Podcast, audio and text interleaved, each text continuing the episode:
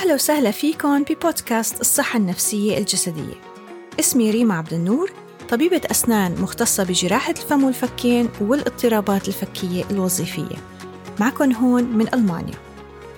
أكثر شي بيسعدني اليوم هو إني أساعدكم على فهم العلاقة الوثيقة بين الصحة العقلية والجسدية وأبين لكم مدى الارتباط العميق بيناتهم. بعد سنوات بحثية طويلة بعلم النفس الحديث وبعلم الأعصاب التطبيقي تبين أنه في كتير آليات بتأثر فيها أفكارنا ومشاعرنا وسلوكياتنا على صحتنا العامة. ولأني اختبرت هالأمور شخصياً حبيت أكون معكم هون لأعرفكم أكثر على هالمجالات. بكل أسبوع رح أخذكم معي برحلة قصيرة نكتشف فيها سوا جانب من جوانب هالعوالم الخفية وأوضح لكم فيها كيف فيكم تساعدوا حالكم وكيف تطلبوا المشورة من المختصين بهالمجال. فإذا كنتوا مهتمين بهالمواضيع يا هلا فيكم معي ويلا نبلش. لابد إنه البعض منكم تعرض لهالموقف مثلي. رحت عند الطبيب لتعالج ألم بالمعدة أو يمكن بالظهر أو لأنه راسك له فترة عم يوجعك. فحصك الطبيب وعمل كل التحاليل والصور اللازمة بس ما لقى عندك أي سبب عضوي لهالأعراض. فبتطلع هيك وتقول لحالك لا مو معقول. أكيد هالدكتور مو شاطر. لازم أروح لعند حدا تاني. وفعلا بتروح عند دكتور تاني بس تتفاجأ إنه كمان بيقلك ما في سبب عضوي لأعراضك. لكن مع هيك بتروح عند كذا دكتور وبتغير الاختصاصات على وعسى حدا يفهم عليك ويشرح لك شو القصة.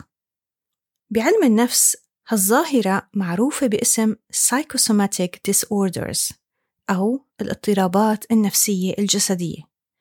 يلي هي وجود شكوى جسدية حقيقية ومحسوسة لكن بدون وجود سبب عضوي واضح إلها. هذا المصطلح هو مزيج من كلمتين يونانيتين سايكو وبتعني العقل وسوما وبتعني الجسد. والسبب باختيار هذا المصطلح هو الرغبة بالإشارة لوجود علاقة بين العقل والجسد وإنهم فعلا قادرين على التأثير ببعضهم.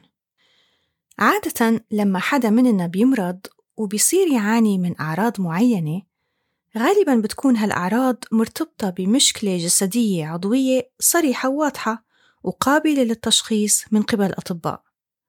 فمثلا وجود ارتفاع بالحرارة يعتبر مؤشر على احتمال إصابة بعدوى معينة. أو وجود ألم بالصدر ممكن يكون سببه مشاكل بالقلب. مع هيك في حالات بتظهر فيها الأعراض المرضية دون وجود أي تغيرات عضوية قابلة للتشخيص.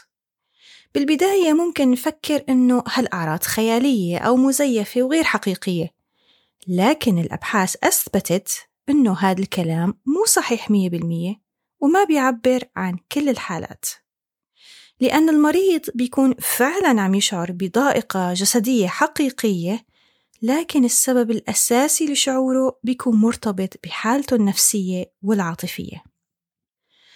مثلا شافت الأبحاث أنه متلازمة الكولون العصبي ترتبط ارتباط وثيق بالتوتر والقلق. نفس الشيء بالنسبة للصداع التوتري وقلة النوم.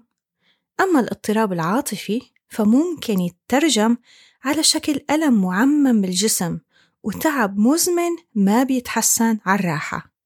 أو على شكل أعراض عصبية مثل الضعف أو الخدر أو على شكل شلل أو حتى عمى مؤقت دون وجود أي سبب عضوي واضح. وهالشي بيجي غالبا بعد صدمات عاطفية شديدة. أما الآلام مجهولة السبب فتبين أنه كتير بترتبط بحالات القلق والاكتئاب. الشيء اللي عادة بيصير بالأوساط العلمية لما بتشير الإحصائيات لوجود ارتباط معين بين ظاهرتين أو أكثر هو إنه ببلشوا العلماء يصيغوا نظريات بتحاول تلاقي أسباب لوجود هيك ارتباط. بالنسبة للعلاقة القوية يلي لاحظوها بين الصحة النفسية والصحة الجسدية قدروا يحطوا لها عدة نظريات. في منا بتشوف إنه العوامل الوراثية والبيولوجية وآليات التأقلم الخاصة بالشخص بتأثر على ظهور أو عدم ظهور هالنوع من الاضطرابات بينما نظريات تانية بتأيد وجود دور أساسي للجهاز العصبي اللا إرادي بهالقصة. بالأول خلوني أشرح شو هو الجهاز العصبي اللا إرادي هو الجهاز المسؤول عن تسيير كل الوظائف الجسدية الأوتوماتيكية بجسمنا. مثل التنفس، الهضم، تنظيم معدلات ضربات القلب إلى آخره.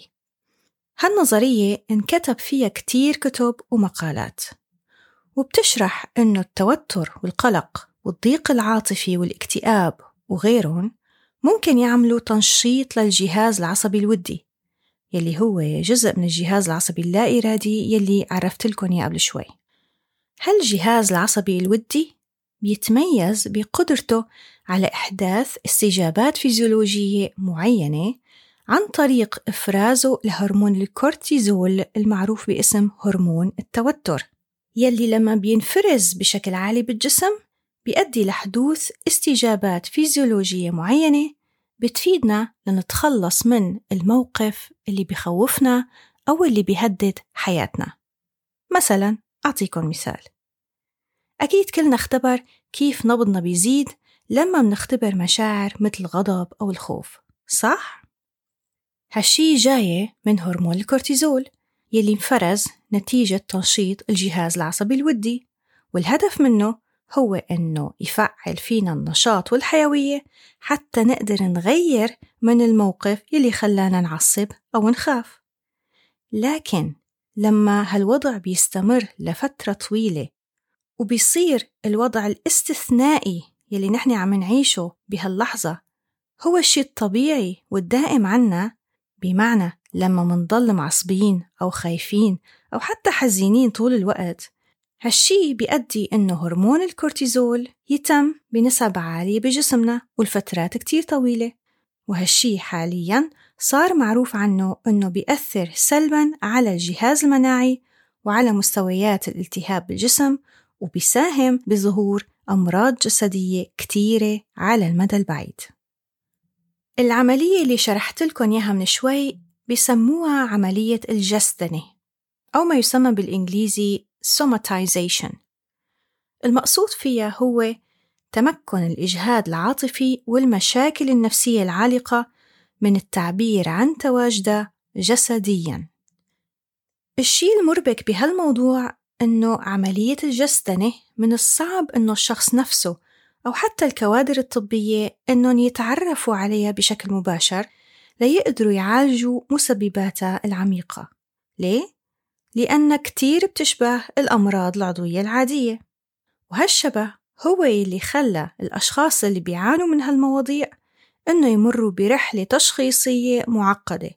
مثل ما صار معي ومع البعض منكم أو مع الناس اللي بتعرفوهم لكن الكادر الطبي اليوم صار عنده فكرة عن الموضوع وبلش يعرف كيف يفرق بين المرض الجسدي البحت عن المرض اللي له مكون نفسي عاطفي خفي.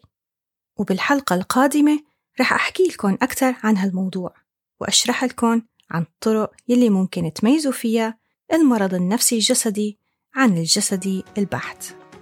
فتأكدوا لوقتها أنكم مشتركين بالبودكاست لحتى تصلكم كل الحلقات أول بأول وتقدروا تشيروها مع كل مين ممكن يستفيد من معلوماتها مثلكم إذا صار عندكم أي استفسار فيكم تتواصلوا معي على وسائل التواصل الاجتماعي يلي رح ضيف روابطها بصندوق الوصف لهالحلقة.